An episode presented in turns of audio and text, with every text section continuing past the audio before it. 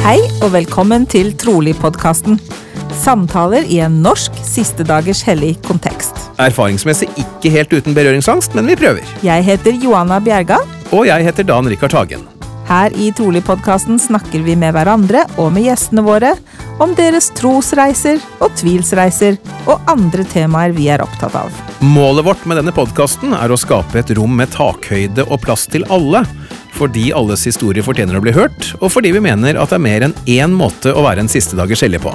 Vi minner om at det som deles her er våre og våre gjesters personlige erfaringer og meninger. Og at podkasten ikke er i regi av Jesu Kristi kirke av Siste dagers hellige. Men for ordens skyld, både Dan Rikard og jeg er aktive troende medlemmer av kirken, og podkasten vil reflektere det. Da kjører vi ny episode.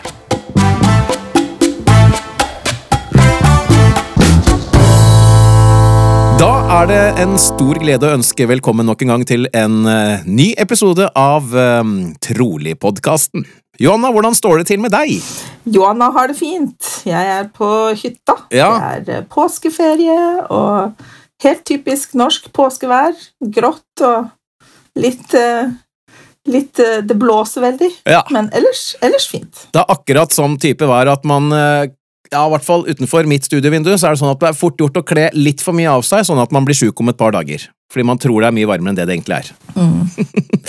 Men vi kan jo si med en gang at akkurat det problemet har ikke gjesten vår. Eh, Jeg tenker på kulde. Fordi han sitter altså i Manila på Filippinene akkurat nå. Og Nathan, du kan jo egentlig starte med å fortelle. Hvor mye varmegrader er det der akkurat nå? Nei, det er vel i underkant av 30 grader, så det er litt kaldere enn det pleier å være. Nå var du ekkel. Hvis, hvis, hvis det er noen trøst, så er det faktisk overskyet her i dag. For a change. Det pleier jo å være sol, okay. og, sol, sol og blå himmel, men i dag var det faktisk overskyet. Men varmen er der fortsatt. Ja, Det var faktisk en trøst når du begynte med 30 varmegrader. Nå, men nå er vi så, eller jeg i hvert fall, er så lite geografisk bevandret. Altså, er det Hvordan er, er det sånn Er det sesonger, liksom, på Filippinene? Ja, det er varmere og, varmt og varmere. Det er de to sesongene som finnes. Men uh, det, det, det deles mest opp i uh, regnsesong og ikke-regnsesong. Det er egentlig bare det det. Varmen er der ennå, men det er litt forskjell på fuktighet. Og så kommer jo tyfonen og sånn. Uh, egentlig de starter om en, cirka en måneds tid. De varer jo vel fra tja, mai, mai til juni-juli, noe sånt som det. Men ellers så er det strålende vær. Stort sett veldig veldig stabilt vær i forhold til det vi er vant med hjemme i Norge. Ja. Det høres jo unektelig deilig ut. da. Hadde det ikke vært dumt å tatt påskeferien der, Johanna? Nei, neste år, kanskje. Neste år. Men uh, Filippinene, Nathan, altså Hæ? Åssen kom du på det? Nei, det starta vel bare som en ferie her og der noen litt mange år tilbake. Og da var det jo hun, eh, altså, hun Bestevenninna mi fra Norge, Cassandra, hun, hun er jo halvt filippinsk, så hun Hun inviterte meg ned til å komme og være og you know, ha ferie med hun, og så ble jeg bare helt sånn ja, forelska i landet og, og kulturen og menneskene. Mye varme, mye glede. Og em, det er lett å være glad her. Det er lett å gi slipp på mange bekymringer, og det, det var nok det som liksom var den triggeren som gjorde at jeg likte meg så godt her. Så da ble jeg bare her mer og mer og mer, og mer, og nå er jeg her. Nå, nå, nå sitter du fast, si. ja, ja, ja. Hvor lenge, hvor, lenge har du sånn? vært der nå? Fire-fem år? Noe sånt? Nå har jeg vært her Dette er jo andre gangen jeg har vært her. Fordi jeg var, jeg var her et par år, så reiste jeg til Taiwan, så jeg studerte der. Halvannet år, og så var jeg jo hjemme i Norge, var litt i Statene, og så nå er jeg tilbake i Filippinene igjen. Ja. Ordentlig globetrotter der, altså. Ja Ja, ja. I hvert fall i forhold til oss andre, ja jeg vet ikke. Mange andre plasser vi reiser òg, altså, men det ja, Jeg trives godt i Asia, jeg gjør det. Men vi har jo foregrepet begivenhetens gang litt grann her nå. Vi har bare sagt Nathan, og det er mange Nathan i denne verden. Du er altså Nathan Lamont, og det er nok mange som antagelig kjenner deg fra tidligere av. Eh, fortell litt om hvem er du egentlig? Hvem er Nathan? Ja, hvem er denne Nathan? Verste spørsmålet på hele jord. Det er det spørsmålet der. Vi hører jo i hvert fall hvor det opprinnelig kommer fra. Det gjør vi. Ja, jeg er jo født i oljebyen Stavanger, men uh, jeg, mm, halve barndommen min Barndom og barndom. Halve livet mitt var jeg jo i, i, på Østlandet òg. Og så de senere årene har jeg vært i Asia. Men um, Nei, folk kjenner meg jo nok fra TV. Jeg var jo med på den her såkalte reality-serien Extra on the Beach. Ha-ha-ha. Så Hva var det? Ja, nei, jeg vet ikke hva det var. Hva var det? Nei, det var, Jeg tenkte på latteren. jeg Jeg, tenker, det, var, det var noe kjekt å finne på under korona. ikke sant? Det var liksom litt spontant, litt sånn why not? Um, egentlig ingen intensjon i det hele tatt. Så det, det skjedde bare. Og ja. Hvordan var det oppholdet, da? Jeg må innrømme at jeg så det ikke, men eh, Nei, jeg må ærlig si jeg så det heller ikke. Så jeg er ikke helt sikker på hvordan det jeg, gikk, så, jeg så en halv episode, og det som slo meg da, var litt sånn ah, Nathan being Nathan, men med litt mindre drama enn jeg var kanskje forventet. Jeg syns du, var- du oppførte deg veldig veldig fredelig. Det var kanskje derfor Ja. du forsvant ut så fort. Ja, Du var, det var nok det. nok drama. Ja, jeg tror nok for Folk forventa nok at jeg skulle skape drama. og Forventa at jeg skulle være en sånn Liksom lage en figur som jeg ikke var. eh, og det skjønte jeg, det bare resonnerte ikke. Og jeg tror det viser sånn For min del så tror jeg bare beviser til meg sjøl at jeg har vokst eh, enormt de siste årene. Fordi Hadde jeg for vært med på noe sånn når jeg var 18-19, det hadde vært en helt helt annen person.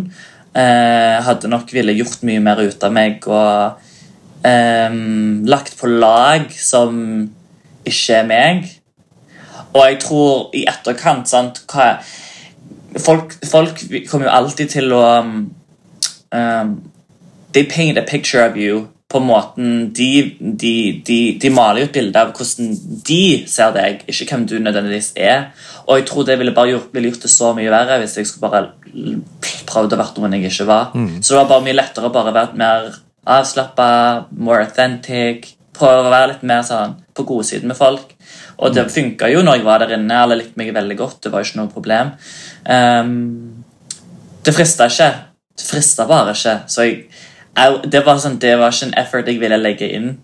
Og bare late som jeg var noen jeg ikke var. Det er sånn, like that, That's so old. Det er sånn Ja. Det høres ut som du rett og slett er blitt tryggere på deg selv, da. Ja, Ja, Bra.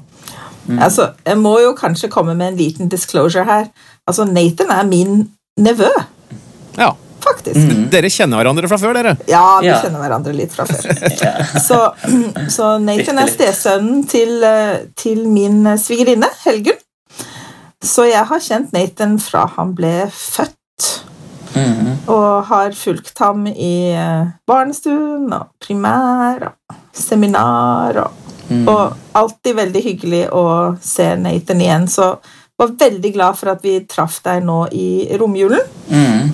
Og det som også er spennende, er at jeg kjenner Nathan overhodet ikke, så jeg, eh, så jeg kommer til å stille alle de vanskelige spørsmålene, sikkert.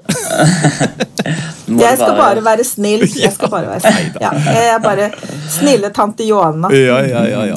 Så Nathan er eh, Du er 26 nå, er du ikke det? Ja, nå har jeg øh, klart å bikke over den Nå er jeg ikke er 25 lenger, når jeg liksom begynner å gå over 30-årene, så jeg kjenner jeg begynner å gjøre vondt i, i ledd og gikt, gikt i ledd, ledd og alt mulig. Don't even go there, man!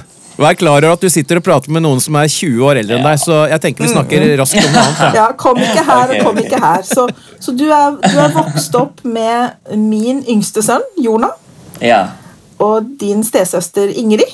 ja. Men i dag snakker vi om Nathan. Ja, og da tenker jeg at vi rett og slett starter på børjan. Vi har jo allerede da fått litt grann eh, historikk eh, gjennom Johanna, men eh, la oss høre din versjon. Du er, som du sier, født da i oljebyen Stavanger, eh, og uh, gikk vel i kirken i Stavanger, da? Mm, Nå vil vi høre trosreisen din, Nathan, og du kan begynne så langt tilbake som du vil. mm.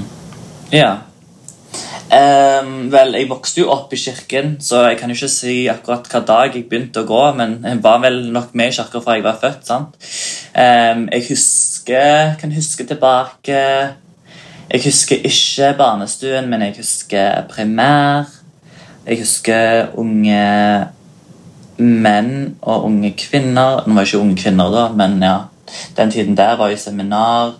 Um, dette var jo da i Stavanger, så flytta vi jo til Mamma og stefaren min flytta jo til Østlandet, så da gikk jeg i Romerike menighet der um, en god stund. Og så Ja. Jeg, jeg, altså, ja, hva kan man si? Um, jeg tror all, Troen min er, er, har nok alltid vært like sterk. Jeg har heller vært litt mer lat med å faktisk gå i kirka de siste årene. Mye med mye med at jeg har reist mye, har jobbet mye, og så faller man ut av greia, og så har man ikke familien rundt seg som har vanen til å gjøre det lenger.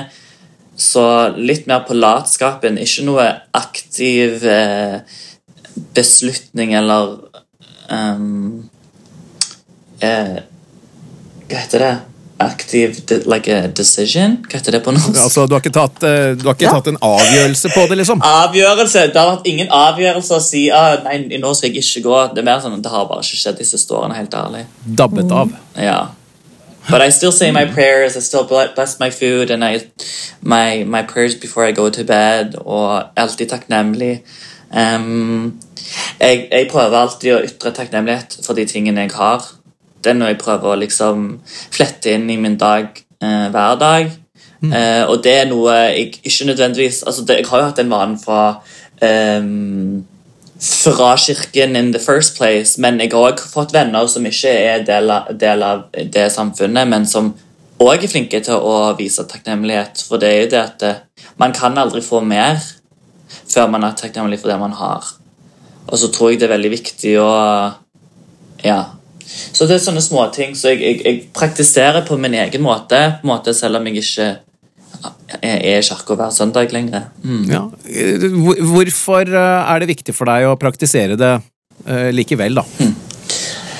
Det er liksom ikke Det som hver en og annen ting jeg gjør. sant? Jeg, jeg pusser tennene mine hver dag, jeg går trener hver dag, man går på jobb, man går på skole. man um, har sine, sine vaner og sine rutiner, og det er bare en del av det. Det er, en del, det er ikke liksom Jeg tror ikke det er en aktiv avgjørelse heller. Det er mer bare en del. Det er så, it's so uh, intertwined in who I am. Og fordi at jeg ble vokst Altså, jeg vokste opp i kirken, og fordi det resonnerer med meg òg. Um, så ja.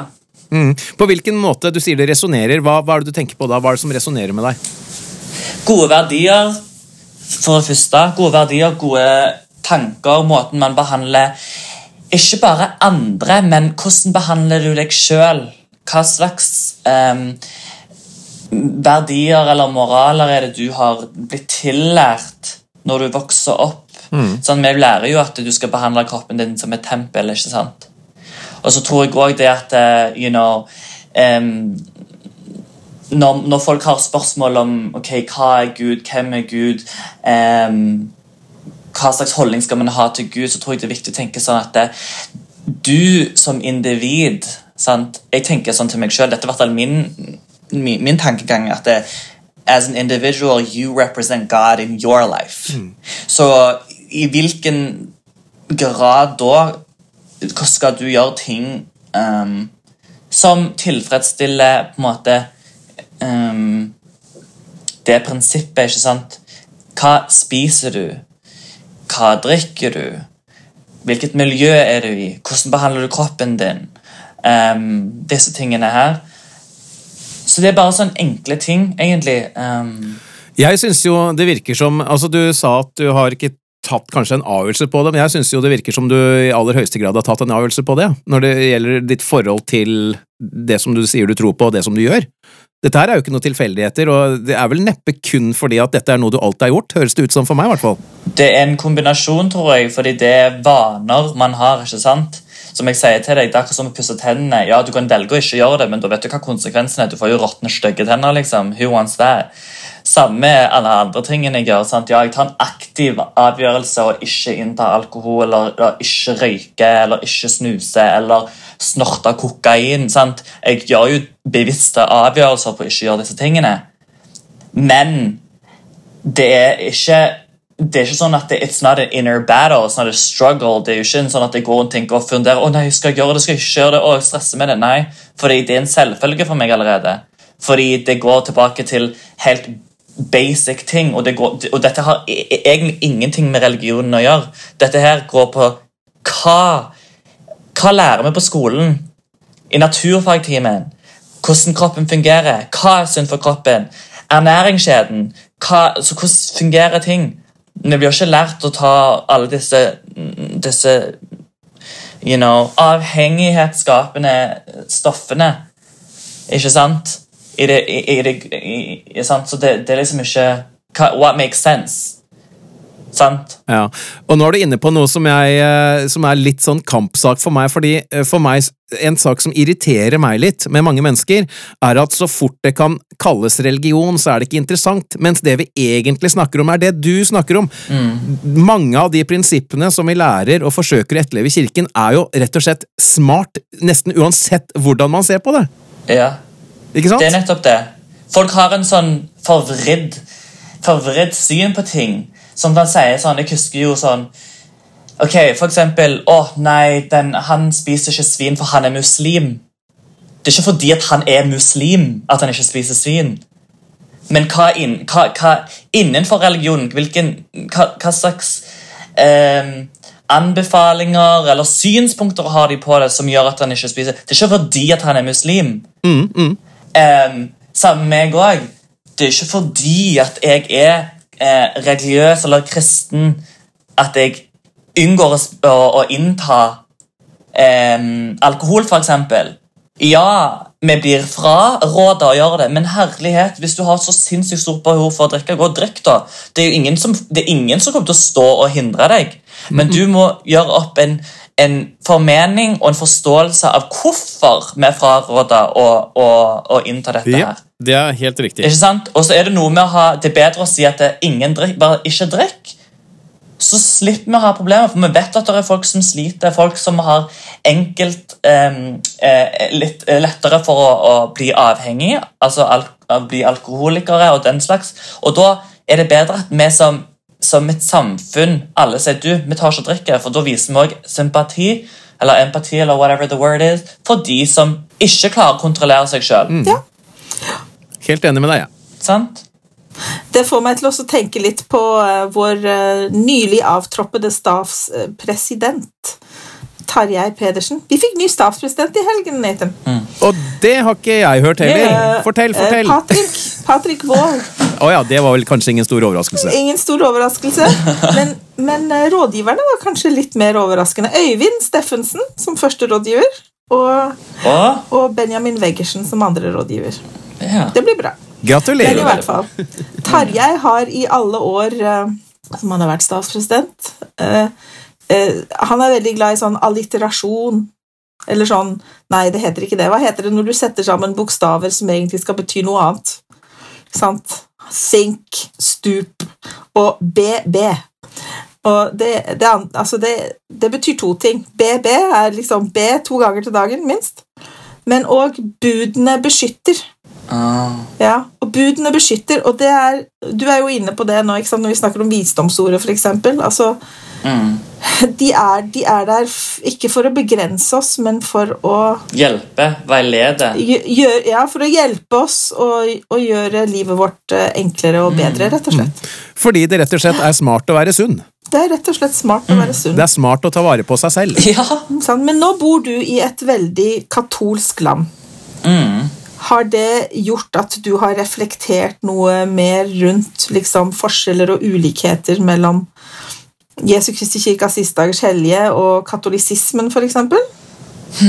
Ikke så veldig, veldig mye, eh, egentlig. Um, jeg har blitt så vant med det, tror jeg, så jeg har ikke tenkt så veldig mye over det. Men det jeg liker, eh, fordi at de er såpass katolske som de er her, det er Du merker at søndagene det er til familien. Du merker at alle Det er Sunday Mass mange, mange ganger. Flere sessions til dagen.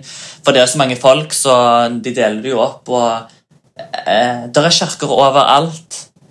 Eh, Og det er så fint å se likevel, selv om jeg ikke tilhører eh, katolisismen, så er det jo fortsatt Det er den der jeg, jeg er så glad i å se den der when, when people come together as a unity, sant? og du mm. gjør det i lag, du gjør det for hverandre, du gjør det med familien sin De har dette noe, noe til felles, noe, et avbrekk og en påminnelse som fra resten av uken, ikke sant? Um, så det er jo mye likheter òg, ikke sant? Men, men um, du merker jo på enkelte ting eh, Spesielt når det kommer til prevensjon og den slags, så det er ikke noe de praktiserer. De liker ikke å gjøre det, de har et annet, annet syn eh, når det kommer til prevensjon, enn det vi gjør, f.eks. Um, så det er noe jeg merker um, med tanke på at det er så sinnssykt mange folk som bor her. Og det er mange mange babyer òg, så de blir født i hytt og pine. Så det er en litt sånn ting man merker. Um, men ellers så Og så jo, i loven òg er det nok Jeg tror en del i loven som går veldig mye på Gud og, eh, og, og, ærlighet. Og her, går, her tar du ennå hånda på, på Bibelen og den slags når du skal sverge på loven eller sverge på det du sier er sant. og den slags. Så det er ennå veldig eh, eh, intertwined with the, helheten av dette landet. da. Mm. Om det makes sense. Mm. Jeg klarer ikke å snakke. Ja, absolutt. Ja, så du merker at det er veldig Altså Religionen er mer enn bare en privat ting. Det er ja. veldig synlig i det offentlige også. Ja. Ja. I mye større grad enn i Norge. I Norge Absolutt. så snakker vi jo ofte om at at religion er personlig og privat, mm. liksom. Ja.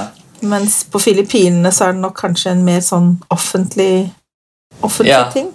Mm. Ja.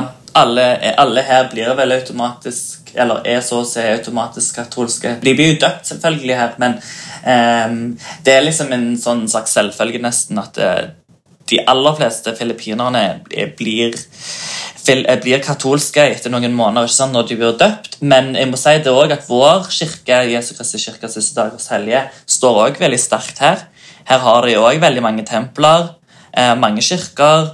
Eh, jeg, jeg, tror nest, jeg skal ta ikke si helt nøyaktig, men sist jeg sjekka, så tror jeg det lå i underkant av en million um, bare her i Filippinene som tilhører vår vår kirke. Så det er ganske mange. Ja, Det er litt kontrast til lille Norge, hvor vi er i overkant av 4000 medlemmer. Ikke sant? Registrerte, i hvert fall. Hvor mm. aktive alle de 4000 er vel også et spørsmål, for så vidt. Ja.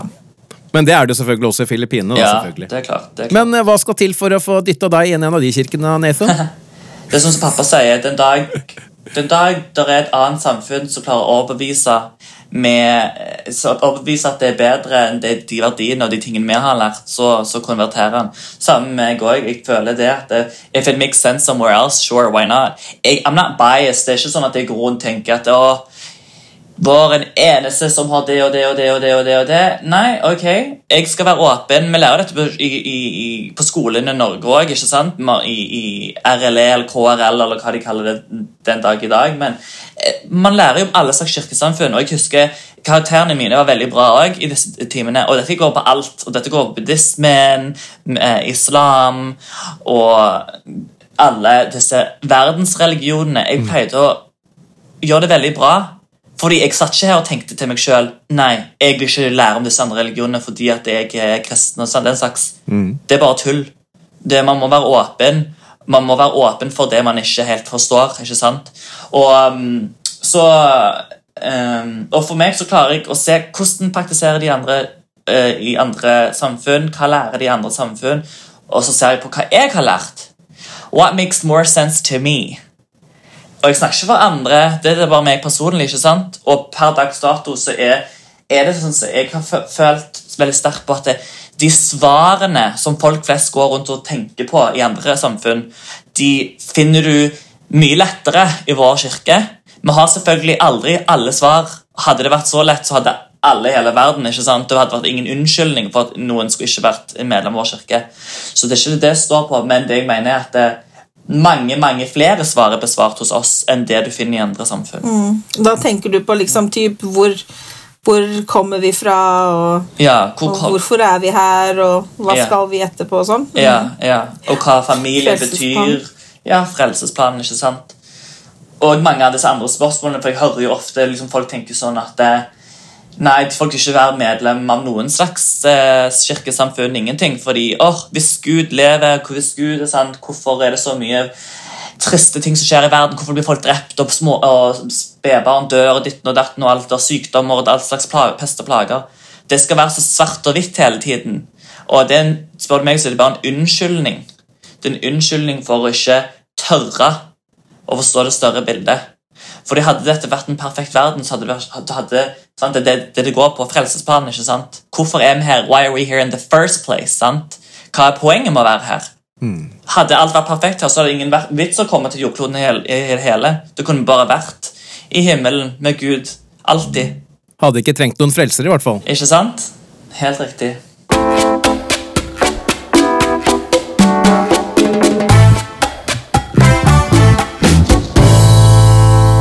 Dette er trolig med Dan og Johanna, i dag med besøk altså fra Nathan Lemont, som sitter i Manila. Uh, og det er jo heller ikke til å legge skjul på, Nathan, og det gjør du heller ikke, at du er jo homofil. Eh, jeg holdt på å si, uh, for en som vet altfor lite om dette emnet, kanskje vi kan ta, gå litt tilbake i tid der også. Når på en måte skjønte du det, da? Hvis det går an å stille det spørsmålet. Ja, det, det er ganske interessant, det, fordi jeg føler hver og en som ikke er homofil, har det behov for å spørre det. Ja. Når, når fant du ut? Når visste du? Og så er det liksom sånn, sånn Hvorfor? Hva er det som Det er jo ingen revelation, det er jo ingen form for åpenbaring man får en dag og åh, der har vi svaret. Nå var jeg homofil, liksom. Det er mer dette man sånn, jeg, kan, jeg kan snakke for min egen del. Når du er, når du er et barn, før puberteten, ikke sant du lever jo bare som et barn. Du er bare et barn. Du, du tenker ikke så mye. Ja, du ser forskjell på gutt og jente og dette, men eneste jeg kan si fra veldig veldig ung alder, er at jeg visste jeg var annerledes. Jeg visste jeg ikke var som resten av guttene, fordi jeg ville være med jentene. Jeg ville leke med jentegreier, jeg ville leke med Barbie, hate gutteting, gutter var ekle. Det var liksom sånn, og det skjedde veldig tidlig. Jeg likte jo ikke gutter i hele tatt. Jeg ville ikke være med gutter eh, på skolen. ingenting. Jeg hadde bare venninner. Og til den dag i dag så majoriteten av mine eh, gode venner er jo jenter, eller kvinner. Men eh, puberteten kommer, følelsene kommer inn, og man begynner jo å, Hormonene begynner å snakke og bestemme litt sånn, litt greier som du ikke helt sånn «Haha, ok. Og så um, kjenner man jo hvor tiltrekningen ligger. På, på lik vis som heterofile. Man kjenner jo hva man er tiltrukket til. Så kjenner man jo på det, og så går man bare den veien. For det er det eneste the only thing that makes sense. Nei, det er veldig godt svar, altså. Når man tenker etter, så er det det. Men det er, det, dette er sånt som vi trenger å høre. Ja, ja. Bare snu det på hodet, da. ikke sant? Altså, Dan, når forsto du at du var heterofil? Når forsto du at du var tiltrukket av jenter? Ja. Ikke sant? Det er jo egentlig Ja. litt tullete spørsmål. Ja. Vi trenger å opplyses og opplæres, Nathan. Keep going. Where were you going? Ja. Nei, og så hm, Og så merker man jo at man er tiltrukket, og jeg visste jo det. For min del, det har alltid vært Jeg visste jo, som, som, som, som jeg sa, fra jeg var liten, så visste jeg var annerledes. visste ikke hva det var. Puberteten kom, og der kom egentlig svaret fram. Og det var jo det at det, min, min Hvem jeg er på min innside hva, altså The way jeg har blitt pusla sammen, det er at jeg, eh, ja, jeg er tiltrukket til menn, og det har jeg alltid vært. Og det, det har aldri gått andre veien. Og jeg kan love jeg har prøvd. Ja, jeg har prøvd. Og jeg har prøvd å tenke alle slags tanker i den motsatte retning, eller det, den rødte retningen, holdt jeg på å si. Men det, Det funker ikke. det er ingen del av meg som, som klarer det. Og det var en tid hvor jeg skulle ønske og jeg skulle ønske og ønske. og ønske. Det har vært hvor mange ehm, breakdowns og lange perioder med ja, egentlig depresjon eh, på å finne ut, pusle sammen hvorfor jeg ikke er normal. Hvorfor er ikke jeg som alle andre? Når egentlig fasiten er at det, det er jo ingen som er som alle andre. Det er jo ingen som er normale. Sant? Um, men nå jeg er så komfortabel med hvem jeg er, at det er liksom Nei, ja, selvfølgelig, jeg kan si. Livet hadde vært så sinnssykt mye lettere hadde jeg kunnet sagt at eh, ja, nei, jeg var heterofil og så hadde en slags kunne fått meg en kone, gifta meg i tempelet og ditten og datten og fått barn og starta en husstand som det der vakre lille A4-livet, men jeg er jo ikke A4. Det har jeg aldri vært. Og hadde jeg ikke vært homofil, og sånn som mamma sier også, jeg tror av og til at det, det at jeg er homofil, er nesten min velsignelse, for det har gjort at jeg har Jeg har måttet Selvfølgelig det er mange ting jeg skulle ønske jeg kunne unngått eh, å gå gjennom når jeg vokste opp, men fordi jeg har, har gått gjennom de tingene jeg har gjort, så har det forma meg på en helt annen måte. Jeg har synspunkter på ting jeg nok aldri hadde, hadde, hadde hatt synspunkter på. Og um, måten jeg mm, relaterer til andre mennesker, og hvor de er deres liv, og mine kreative sider, mine kreative aspekter òg. Det er liksom Nei, jeg er mer på den feminine side, og det, det er ting jeg tror ikke jeg hadde hatt hadde jeg vært heterofil. Nei. Jeg kan på en måte, ikke sant, Når jeg tenker tilbake, siden jeg har kjent deg siden du var bitte liten, så når jeg tenker tilbake, så kan jeg heller ikke, liksom, ikke sette fingeren på noe tidspunkt hvor det liksom var sånn Ja, ja, sånn er Nathan, liksom. Øh, Det var øh, Det var bare sånn du var. Altså, det var bare, Mm. det var bare Du var bare Nathan for meg. Du var liksom Du var ikke legningen din, du var Nathan. Mm. Mm. Og, og jeg, jeg tenker at uh, hvis, man kjenner, hvis man kjenner folk med en annen legning jo mer man kjenner dem, og jo bedre man kjenner dem, jo mer er de bare individer og personer, og ikke legningen sin, hvis du skjønner hva jeg mener. Mm. Sant? Det, er en, det er bare en liten del av deg, akkurat sånn som vår legning er bare en liten del av oss. Det er liksom ikke det som er eh, Ja, som definerer deg, da, nødvendigvis. Mm, mm. Men det er jo ikke til å stikke under en stol, sånn som du sier, er at noen ganger så har det vært tøft og vanskelig, og at du i perioder har ønsket at du, at du slapp det. Mm. Eh, Men hvis vi skal være litt sånn konstruktive nå sånn eh, fram i tid, fordi det er jo ikke til å stikke under en stol at mange unge mennesker i kirken som opplever å ha en annen legning, de mister troen. De forsvinner vekk um, fordi det blir for, for tøft. Mm. Og hva, hva tenker du kunne vært annerledes? Tror, tror du at det bare er et tidsaspekt, at det er en sånn generasjonsting? At etter hvert som det er eh, mindre og mindre stigmatisert og mindre og mindre uglesett i samfunnet generelt, at det òg vil trickle down og inn i kirken, og at medlemmene generelt vil ha et eh, mer avslappet syn på det? Eller hva tror du? Jeg tror med tiden, ja, at med, med, med tiden så kommer vi nok til å Jo mer forståelse vi har, jo mer eksponering vi har, så vil jo selvfølgelig måten jeg tror eh, kirkemedlemmer Hva slags syn de har, kommer nok til å endre seg til en viss grad. Og jeg tror det kommer til å være mye mer åpenhet, men kanskje ikke den åpenheten som um, folk flest um, ønsker. Sånn med tanke på ekteskap, homofilt ekteskap eller homofilt ekteskap i tempelet og den slags der. Så det du sier så langt, er at det du ser for deg, er at medlemmene blir mer åpne for de som er homofile, men at ikke nødvendigvis doktrinen endres. Ja, jeg tror nok ikke nødvendig doktrinene kommer til å endres. Ehm, men jeg, jeg, tror, jeg tror likevel at det, måten man Jeg tror forståelsen Altså, Du kan bare se ti, ti år tilbake, når jeg var yngre òg. Jeg husker jo hvordan ting var da. til og med liksom, Ting blir bedre, ting blir lettere. Jeg tror problemet ligger ikke i doktrinen. Problemet ligger i måten vi håndterer disse tingene som vi ikke nødvendigvis har svar på. Og dette går òg fra, fra heterofile eh, medlemmer og de som er homofile.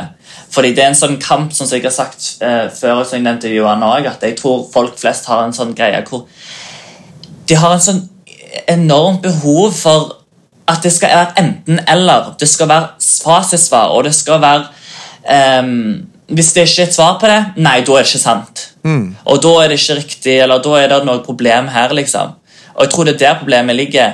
Og det, det aller viktigste, sånn som for min del, og grunnen til at jeg er så avslappa med å ikke nødvendigvis ha svar på alt, det er fordi at det, jeg har lært å være avslappa med å ikke ha svaret på alt.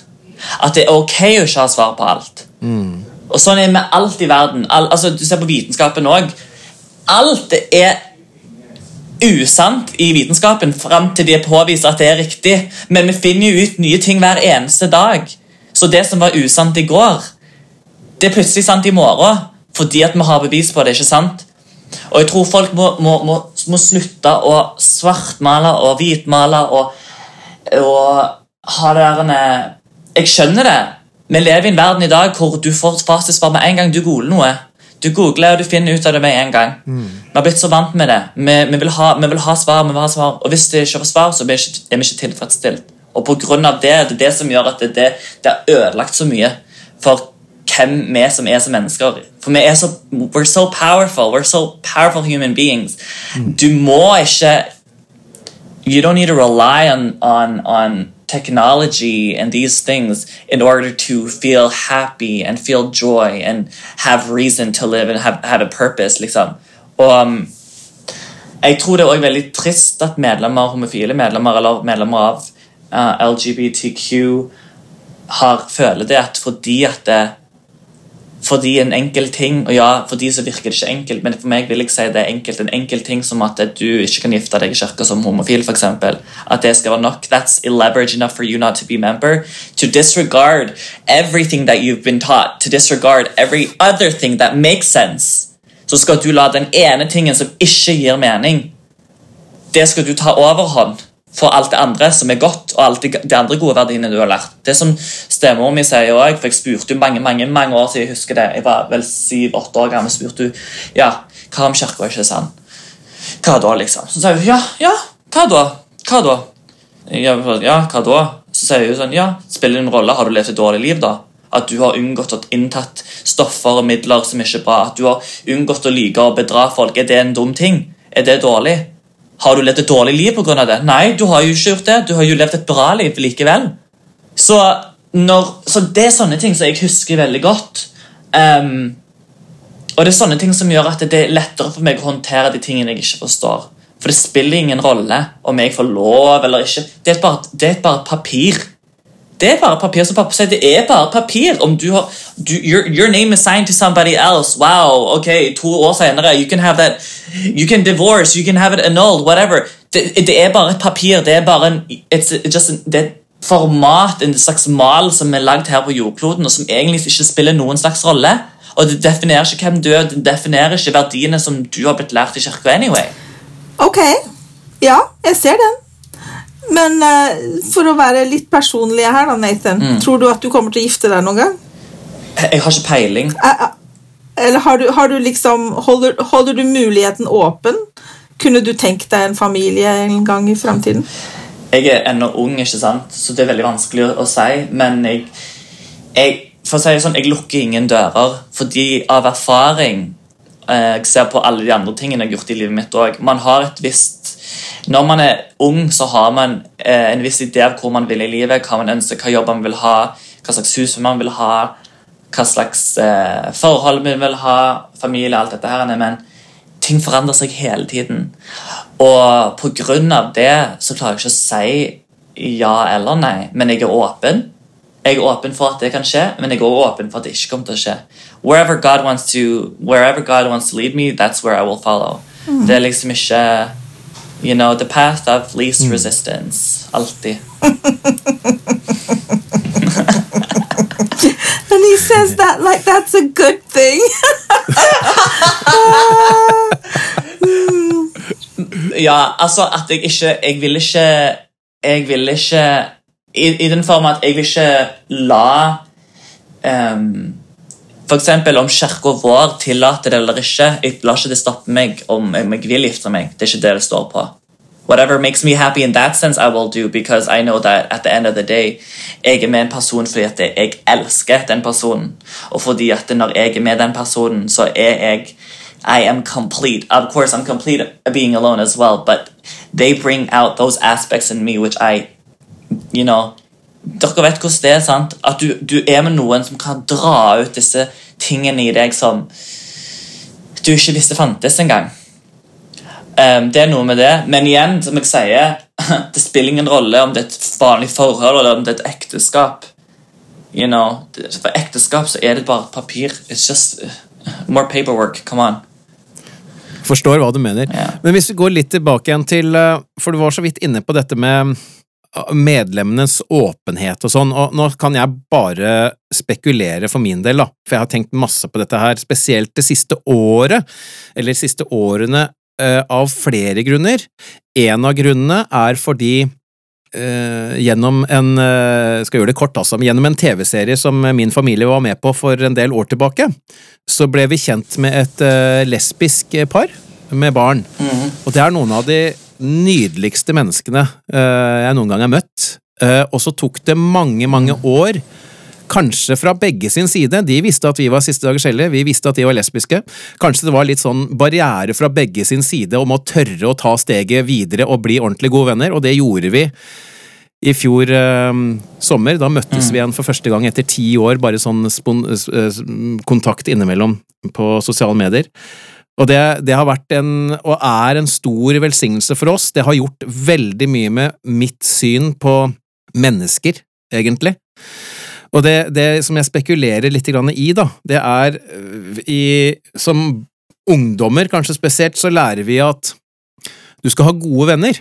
Og så tror jeg mange tenker gode venner, det er de som etterlever det vi lærer i kirken, det. Jeg tror det, Dette er bare mine spekulasjoner. Jeg tror det kan ligge litt der, sånn, at når man da hører 'Å ja, han er homofil', ja, det passer jo ikke med dette bildet her, så da kan vi ikke være sammen med han. Eh, de banner, de drikker, ok, da kan jeg ikke være sammen med de. Jeg, jeg, jeg, vet ikke, men jeg innbiller meg at kanskje at det kan skape litt barrierer som absolutt ikke burde være der. Ja. Og så bare lurer jeg litt på hva tenker du, eller hva er din opplevelse? Nå vet jeg ikke hvor åpen du har vært med din legning i forhold til kirken og sånn, men har du noen tanker om hvordan vi som medlemmer, da, som du sier, eh, og jeg er ikke direkte uenig med deg at doktrinen, kanskje den aldri endres. Who knows? Eh, men hva, hva, hva kan vi som medlemmer gjøre for at de som er homofile, likevel kan føle seg velkomne og føle at de har en plass der, tror du? Det er veldig lett. Det er veldig enkelt. Det er, du, det er ingen forskjellsbehandling. Der er, ingen, der er ingenting Der er ingenting ulikt. Du, altså det, Legningen din, den ser du jo ikke. Det er noe helt annet. Du går inn i kirka, og du står og banner, og du tar med deg alkohol og dette og det. Det er noe helt annet.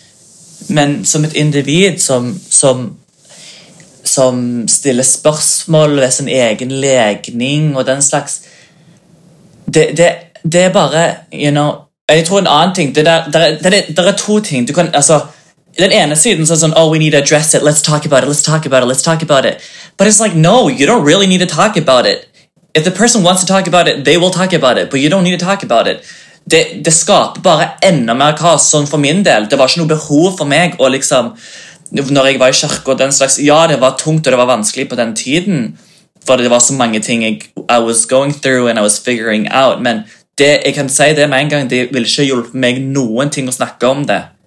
For det ville ikke endre doktrinen. Det ville ikke endre um, de tingene som vi har blitt lært, og hva som er uh, riktig altså med en, en mann og en kvinne. liksom disse tingene, Det vil ikke bli endra fordi vi snakker om det. Så tror jeg også vil, det vil bare skape mer frustrasjon. Jeg tror det beste er likevel at man viser kjærlighet, sånn som jeg er blitt lært. Man, man elsker sin neste som, som, seg, som seg sjøl. Det, det er så lett som det. Og um, det er liksom sånn Jeg, har, jeg opplevde aldri noen av de derene Jeg tror ikke noen noen gang Altså når jeg vokste opp, så trodde jeg ikke det var noen som ikke liksom ba med meg fordi at jeg var sånn eller sånn, eller sånn, for jeg snakket jo aldri om det. Alle visste det jo på en måte, for jeg var jo veldig feminin og den slags der. Men jeg vokste opp med liksom pappa sa du kan ikke være med de, kan ikke være med de, kan ikke være med de. Men det er jo fordi han hadde helt andre eh, Han hadde et helt annet syn på hva som var riktig og ikke riktig med tanke på hvilket vennskap man skal ha. Og det var liksom gå ut på de tingene du sier sånn, ja, de, de banner og de drikker og den slags der. Men det er foreldrerollen igjen å verne sine barn, for man vil ikke at barn skal bli påvirka og ende opp i feil miljø. Nå sier jeg selvfølgelig ikke at hvem- fordi du drikker eller du banner at det gjør deg til en dårlig person. Det er ikke det. Nei. But Nei, jeg it's føre var eller etter snart. sant? Og, og, Og, og legning er jo ikke akkurat smittsomt. Nei. Nei. Sant? Og jeg, sant? jeg er både mor, og jeg er søster, og jeg er tante til mm. no, en LH, L, hva er det vi sier på norsk? LHBT pluss.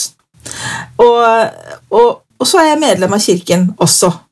Og så tenker jeg at det er den minst viktige rollen oppi det. Altså at uh, jobben min som mamma og som tante og som søster og, eh, og det å, å vise kjærlighet og omsorg og, og bare være en, en med et medmenneske, ikke sant? Fordi det er jo det vi alle sammen er. Vi er medmennesker. Vi er jo alle Guds barn på samme reisen gjennom dette jordelivet.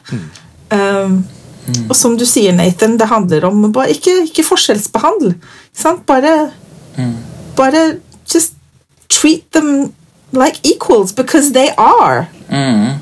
Ja. Ikke sant? ja, og vi lærer jo òg i, i, i kirka òg at eh, familien er det viktigste. Familien kommer først. Det er noe som er så veldig sentralt i, i, i, i vårt samfunn, vårt kirkesamfunn, i vår trosretning. Familien kommer først, som vil si at eh, vi, ja, troen vår er også ekstremt viktig, men familien skal ikke gå på bekostning av det. Nei, absolutt ikke. Og, og når jeg var inne på det med dette ekteparet som vi har blitt kjent med, så snakket jeg om litt barrierer, og jeg må jo ærlig innrømme at noe som holdt meg litt tilbake, var at vi skulle møtes, og så skulle de spørre da, ja, men hva mener din kirke om dette da? Og så da liksom, da vet jeg jo godt svaret på det, og skjønner du? Og så var jeg redd for at da skulle det bli en sånn Å ja, ok, og, og du er jo medlem av den kirken, så da føler jeg vel ikke at vi kanskje har så mye sammen å gjøre, ikke sant? Så jeg, jeg må innrømme at jeg var redd for det. Nå ble det heldigvis ikke sånn. Eh, Det skal sies at jeg har ikke engang spurt. Eh, Kan godt hende spørsmålet kom på et eller annet tidspunkt, men det, det som jeg i hvert fall Som en vis kompis av meg i kirken sa for ikke så veldig lenge siden, han sa det at um, man trenger jo ikke nødvendigvis akkurat å la det være din kampsak heller. Altså det med det, hva kirken mener og tro, eller hva doktrinen er rundt homofili. Man kan faktisk til og med også være, kan du si, eh, som et medmenneske Ja, kall det uenig, eller i hvert fall finne det, den doktrinen for svært vanskelig. Ikke sant? Og det er helt greit. Ja. Det er i hvert fall dit jeg har kommet, da, for jeg, jeg syns det er Unnskyld. Jeg syns det er veldig vanskelig. Jeg gjør det. Jeg, jeg setter utrolig pris på uh, Jeg får vel kalle det standpunktet ditt, Nathan, når du sier at det Jeg kan ikke la den ene tingen der eh, rasere eller ta vekk alt det andre som jeg syns er godt og fint og bra med kirken. Og jeg er jo òg litt der, fordi selv om jeg er dypt uenig kirkens eh, praksis og doktrine på akkurat dette punktet, så er det likevel så mange andre ting med evangeliet og kirken som gjør at jeg velger å bli. Samtidig så kjenner jeg jo litt på dette her med um, Kan jeg Kan jeg med god samvittighet um, um, fortsette å støtte og være aktiv i, en, eh, i et trossamfunn som jeg selv synes uh, tar feil da, på LHBT-området. Og, og av hensyn til min datter og min bror og min nevø og mine venner i kirken som er en del av det miljøet som uh, oppleves det for dem som som illojalt eller um, Ja, ikke sant? Altså Jeg husker en gang jeg spurte Elray, broren min, og sa liksom er det, er det greit for deg at jeg fortsetter å være aktiv i kirken? Og så sa han det er et veldig ladet spørsmål, og det må jeg tenke litt på, sa han, men, men til syvende og sist ja, fordi det er din tro, og, og du må jo få tro på det, på det du vil. Um, og så lenge jeg er støttende og omsorgsfull og viser kjærlighet til ham, så, så går det an. Det går an å ha to tanker i hodet på en gang. Um, så enn så lenge så så er jeg der. Og jeg tror vi er mange som, som er uenige, men som likevel har et vitnesbyrd om Mm. Mormons bok, for eksempel, eller om evangeliet og kirken ellers, men som er uenige på dette, på dette punktet. Da. Og, og det har vi lov til å være. Ja. Og det, men, men jeg skulle ønske det var en Så jeg tenker at det går an å ha to tanker i hodet på en gang. Samtidig så, så skulle jeg ønske at det Jeg for- jeg fantes måter for meg å vise, vise min støtte enda mer, på en måte. Til, til mine søsken som Ja, jeg, Som er jeg forstår veldig godt eh, hvor du kommer fra og hvordan du tenker. Um, og jeg er veldig enig med deg at det, det er greit å ha to tanker i hodet på en og samme gang. Uh, det som jeg sier, det er ikke, du må ikke velge det er ikke, sånn, du må velge enten eller. Um, det blir ikke rettferdig til deg heller at du skal si å nei, fordi jeg har disse, disse menneskene i mine liv, liv som er homofile. Nei, nå må jeg gi opp min tro for det. Det blir jo heller ikke riktig.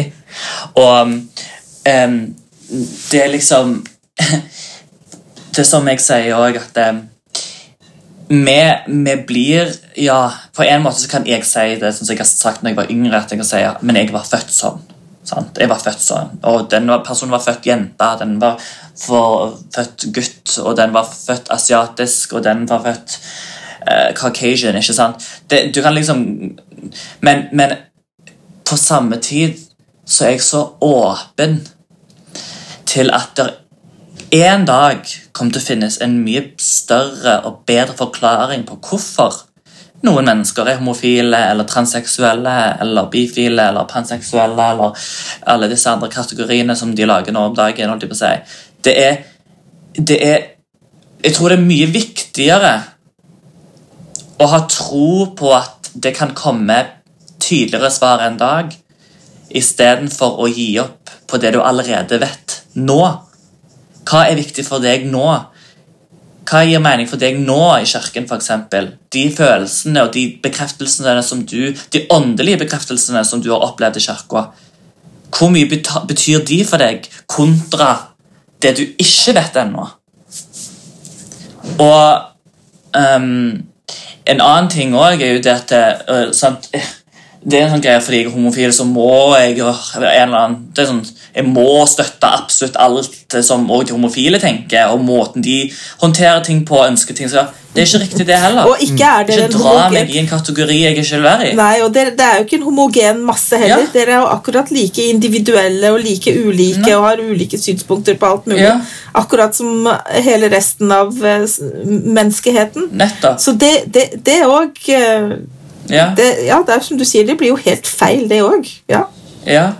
Du snakker det, jo for deg. det- Mm. Ja, jeg snakker jo for meg sjøl. Og ehm, Det er liksom det at det, det er litt sånn halvskummelt å snakke om, fordi vet, folk vil jo tror du er koko. Du tenker sånn nei, Hvordan kan du si det for du er homofil? Men jeg er litt på den der at eh, ja, jeg tror det kan finnes en bedre forklaring enn da. Jeg tror vitenskapen kan finne ut av hvorfor eh, vi former på den måten vi gjør. Hvorfor, hva som trigger at vi blir eh, tiltrukket av samme kjønn, f.eks. Um, og det er jo det at det, for sånn naturens eh, fra, fra naturens side så er det ganske enkelt. Du trenger et egg og du trenger en sædcelle for å lage, for å formere deg, for at det skal være bærekraftig. Veldig enkelt. Så i mitt hode så tenker jeg jo sånn Ok, hva er bærekraftig? Hadde alle vært homofile, sant? det hadde ikke gått. sant? Så fra naturens side så ser vi jo at det er en slags glitch der. på en måte.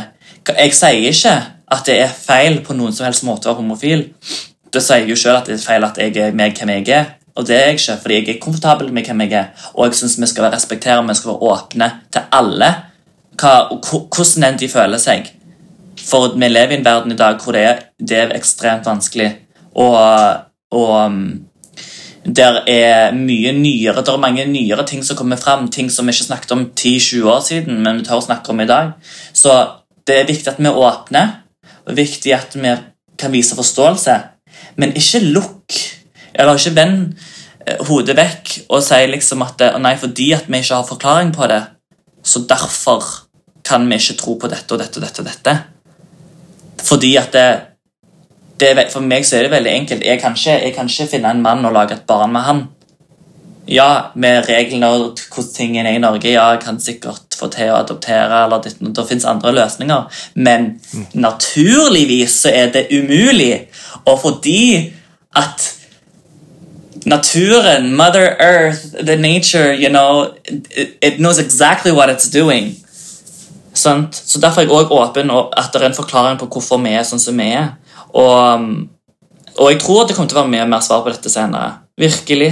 Det tror jeg. Og det kan og det, mm, det er nok allerede mange andre studier og ting de ser på forklaringer hvorfor vi hvor homofile blir, er homofile in the first place, og miljø og hva som hva er inntak av mat og ditten og datten. Det, finnes, det er alle slags, De begynner å prøve å finne ut av hvor det kommer fra. Og på grunn av det, Ja, det, er jo, ja. det er jo masse teorier, men Ja. en av teoriene er jo rett og slett at det er bare variasjon. Mm. Det er variasjoner, akkurat som det er i naturen generelt sett, og i dyreriket generelt sett, så er det variasjoner. Mm. Og det er, en, det er en liten minoritet. Som jeg sa, det er jo ikke smittsomt. altså, dere er jo ikke mer enn ca. 10 Mm. liksom. sant?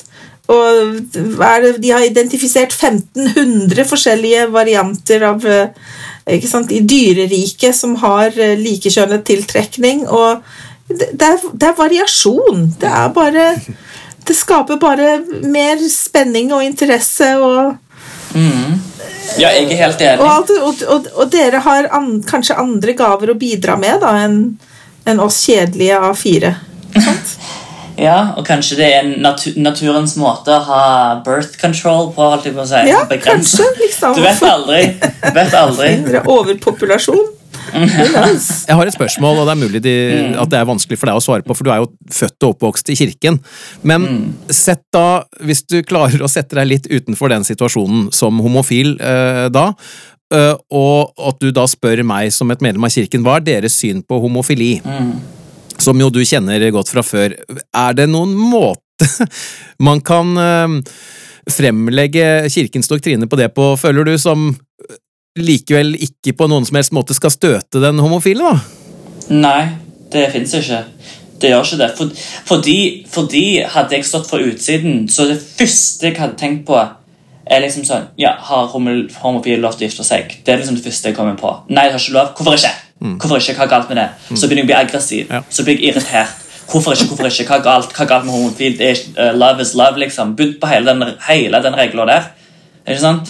Jeg hadde begynt der, så helt ærlig, jeg tror ikke det hadde vært noen ting du hadde kunnet sagt til meg som hadde fått meg til å for, forstå hvorfor um, det er ikke lov til å hvorfor kan, hvorfor kan ikke kristendommen eller den religionen der forandre på seg?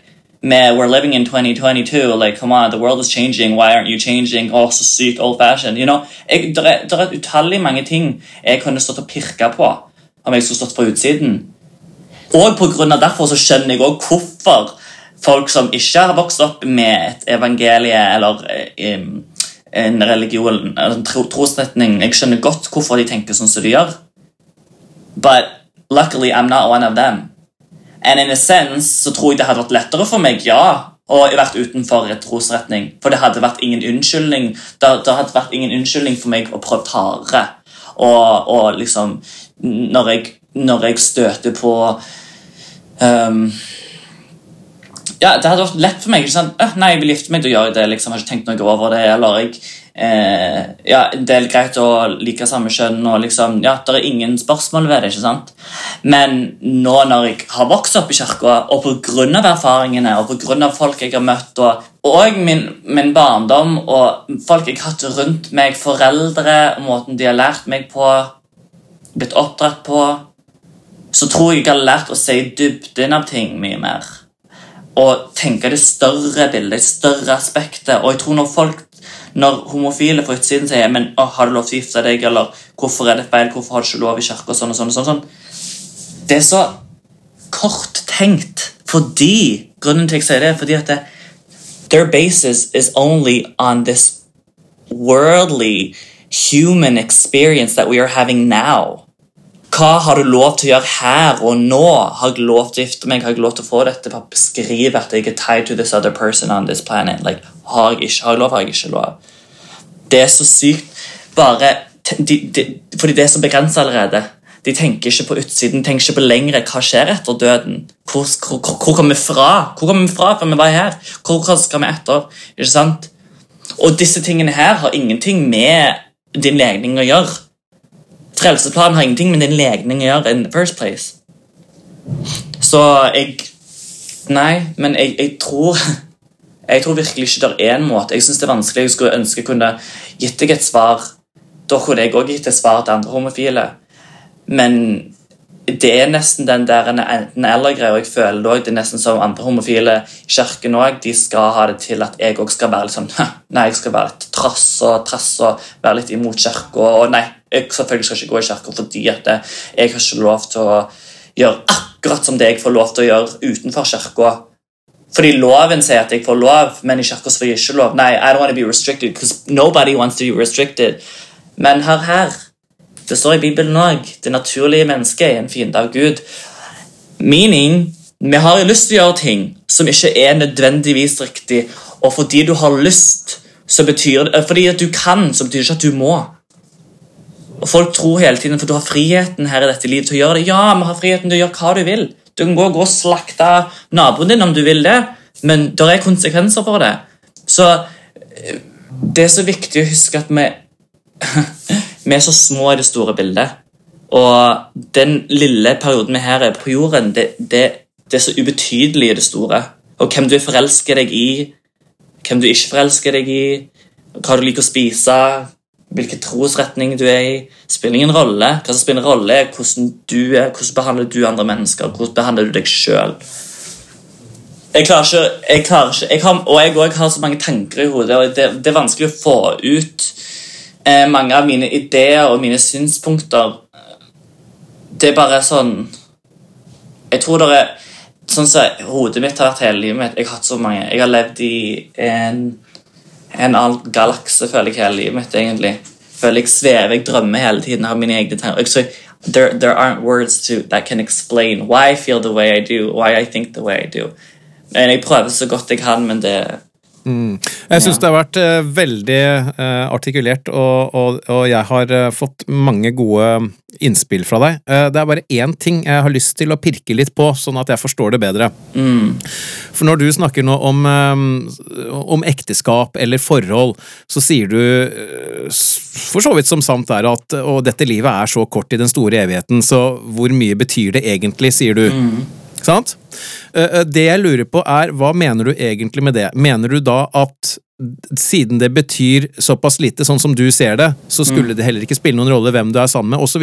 Eller mener du at fordi dette livet er så kort i det store perspektivet, så burde det heller ikke være så problematisk å forholde seg til den doktrinen som Jesu Kristi kirke har på dette området?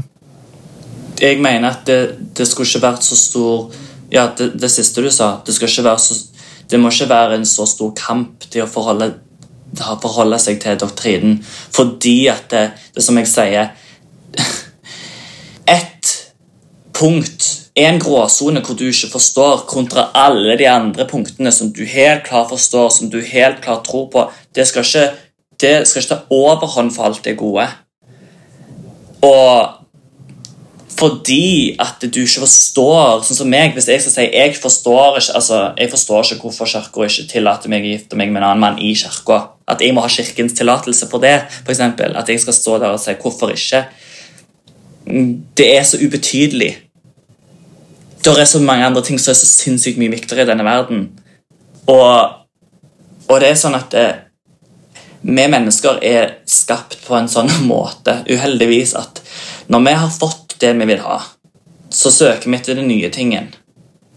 Og hadde Kirka i morgen sagt hei, vet du hva, ok, greit, gjennomslag, her, here we go, you know What is the next thing? Hva er det neste på lista? Det gjelder alt vi har i denne jorden, jorda. Det er alt vi har. Det er klærne våre, det er hva vi spiser, det er hvem vi henger med. det og forhold òg. Vi blir drittlei personen vi er rundt hele tiden. Men, men, men it just happens, you know. So we look for something else. It's the excitement, it's the thrill of the wanting, but the moment you get it, on to the next thing. Så, så derfor syns jeg ikke det er så sinnssykt viktig. Fordi det er bare så Det er ikke en betydelig ting i det hele tatt. Fordi jeg òg vet at den dag eh, vi, vi går videre.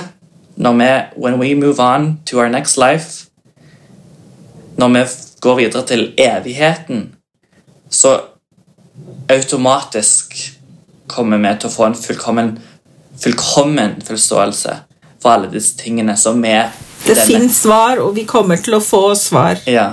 Og Ja. de, En, en dag får vi svar. ja. Ja, Johannes sier til meg stadig vekk Johanna, du må bare være tålmodig. Mm.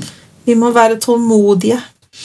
Det er utfordringen min, i hvert fall, å være tålmodig. Men jeg tror du har helt rett i at, eh, at vi driver og henger oss opp i sånn ubetydelige og små ting i den store sammenhengen.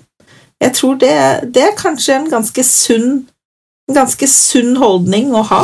Ja, det, det skal ikke være Det skal ikke være det liksom, It shouldn't be a make it or break it ordeal for anybody at du får skifte deg eller ikke.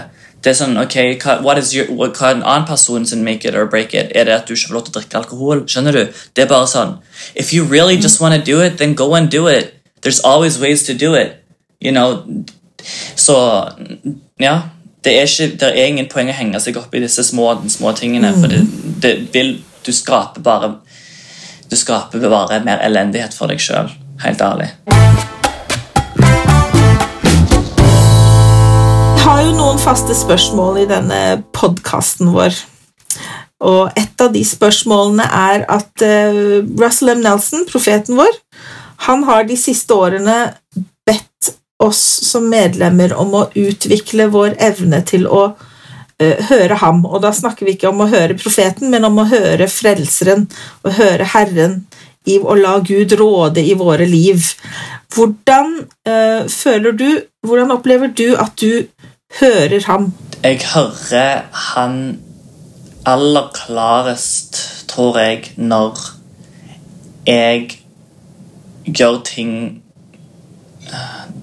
Når jeg gjør ting som er bra for meg sjøl, når jeg er i, i miljøer som er bra, når jeg er rundt mennesker som bidrar til en intellektuell samtale, til å reflektere på ting.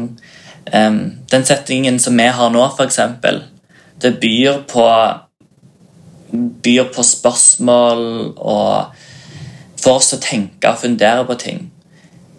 Og gjennom Jeg tror gjennom det å, å, å jeg, hører, jeg kan i hvert fall si det, jeg hører den ikke når jeg i, i, plasser jeg ikke burde være. Jeg hører den ikke når jeg gjør ting jeg ikke burde gjøre. Ehm, så han er aller klarest i mitt liv når jeg Når jeg er sunn, når jeg har sovet nok, når jeg har spist bra, og når jeg har vært med gode mennesker og vært produktiv, og når jeg har kunnet brukt mine kreative aspekter, når jeg kjenner på talentene som han har gitt meg, når jeg bruker de og bruker evnene mine, da kjenner jeg det. Og når jeg, når jeg em, når delmål i, mine, i, mitt liv um, og kjenner på den takknemligheten det er, da, det er da jeg kjenner det, for jeg kjenner bare hvor, hvor mye han har gitt meg. Og det er lett å si at ja, jeg Nei, jeg fikk det til, jeg gjorde det. Ja, jeg gjorde det, men jeg fikk det fordi at jeg har evnene som jeg har, og evnene har ikke jeg gitt til meg sjøl, de har jeg fått fra en plass. Og Så jeg er takknemlig for evnene mine. Veldig, veldig bra. Ehm, hvis det var noe ved kirken uh, som uh, du kunne forandret på, hva ville det vært? The dress code! oh, Hæ? Liker du ikke å gå med hvit skjorte og slips? Uh, aldri. Det er det verste jeg vet. Guri land. Nei, det er um, uh, So uptight. Nei, jeg, jeg skjønner det burde være en slags standard, selvfølgelig, og man skal være sømmelig, kle seg sømmelig og den slags. Det synes jeg er veldig veldig viktig, men uh, det blir noenlunde stivt, i hvert fall for min del. Um, og ja, like Piff it up a bit og gjør kanskje også, Det skal altså selvfølgelig Kirken er Herrens hus. Det skal være rent, og det skal være ryddig og den slags, men you know, freshen it up. You know, jeg, jeg likte godt bestemor sine blomster hun alltid la ved talerstolen hver søndag. You know. um, det var i hvert fall noe, noe farge, men uh, det, jeg vet jo, det er noen av, noen av byggene våre er jo litt eldre nå, så kan det vært greit med en litt oppussing, kanskje. Og hva er det beste med troen din? Hva er det du liker aller, aller best med din tilhørighet til Jesu Kristi kirke av hellige?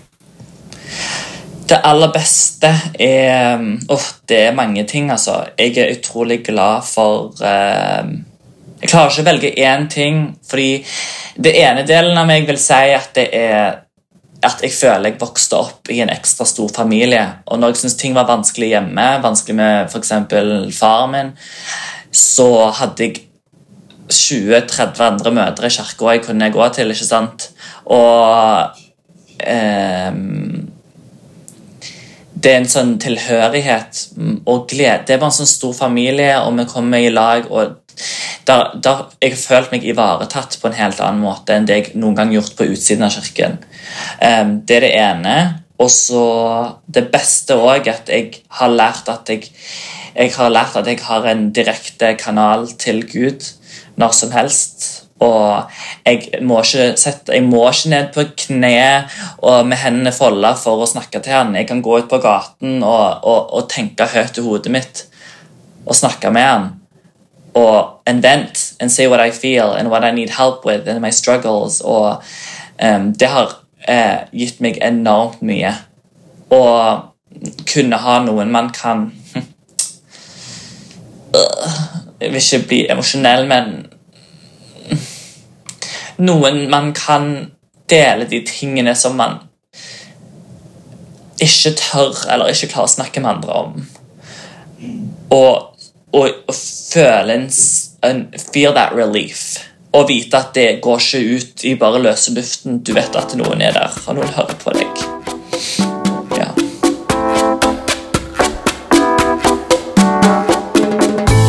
Tusen takk for at du hørte på dagens episode. Vi er snart tilbake med en ny og spennende samtale. Og for å gjøre ventetiden litt kortere, så kommer som vanlig vårt nyhetsbrev mer enn trolig i innboksen din om kort tid. Ja, Det er hvis du abonnerer på det, da, og det gjør du enkelt inne på vår Facebook-side. Ja, og I tillegg så finner du oss både på Instagram og Twitter som oppdateres med jevne og ujevne mellomrom. Har du forslag til enten temaer eller gjester du syns vi burde snakke med? Send oss en e-post til troligpodkast med k at gmail.com. Og vi blir veldig glad for skriftlige tilbakemeldinger i alle våre kanaler. Og ikke glem at dette vil også hjelpe andre å finne trolig. Takk for nå. Vi høres!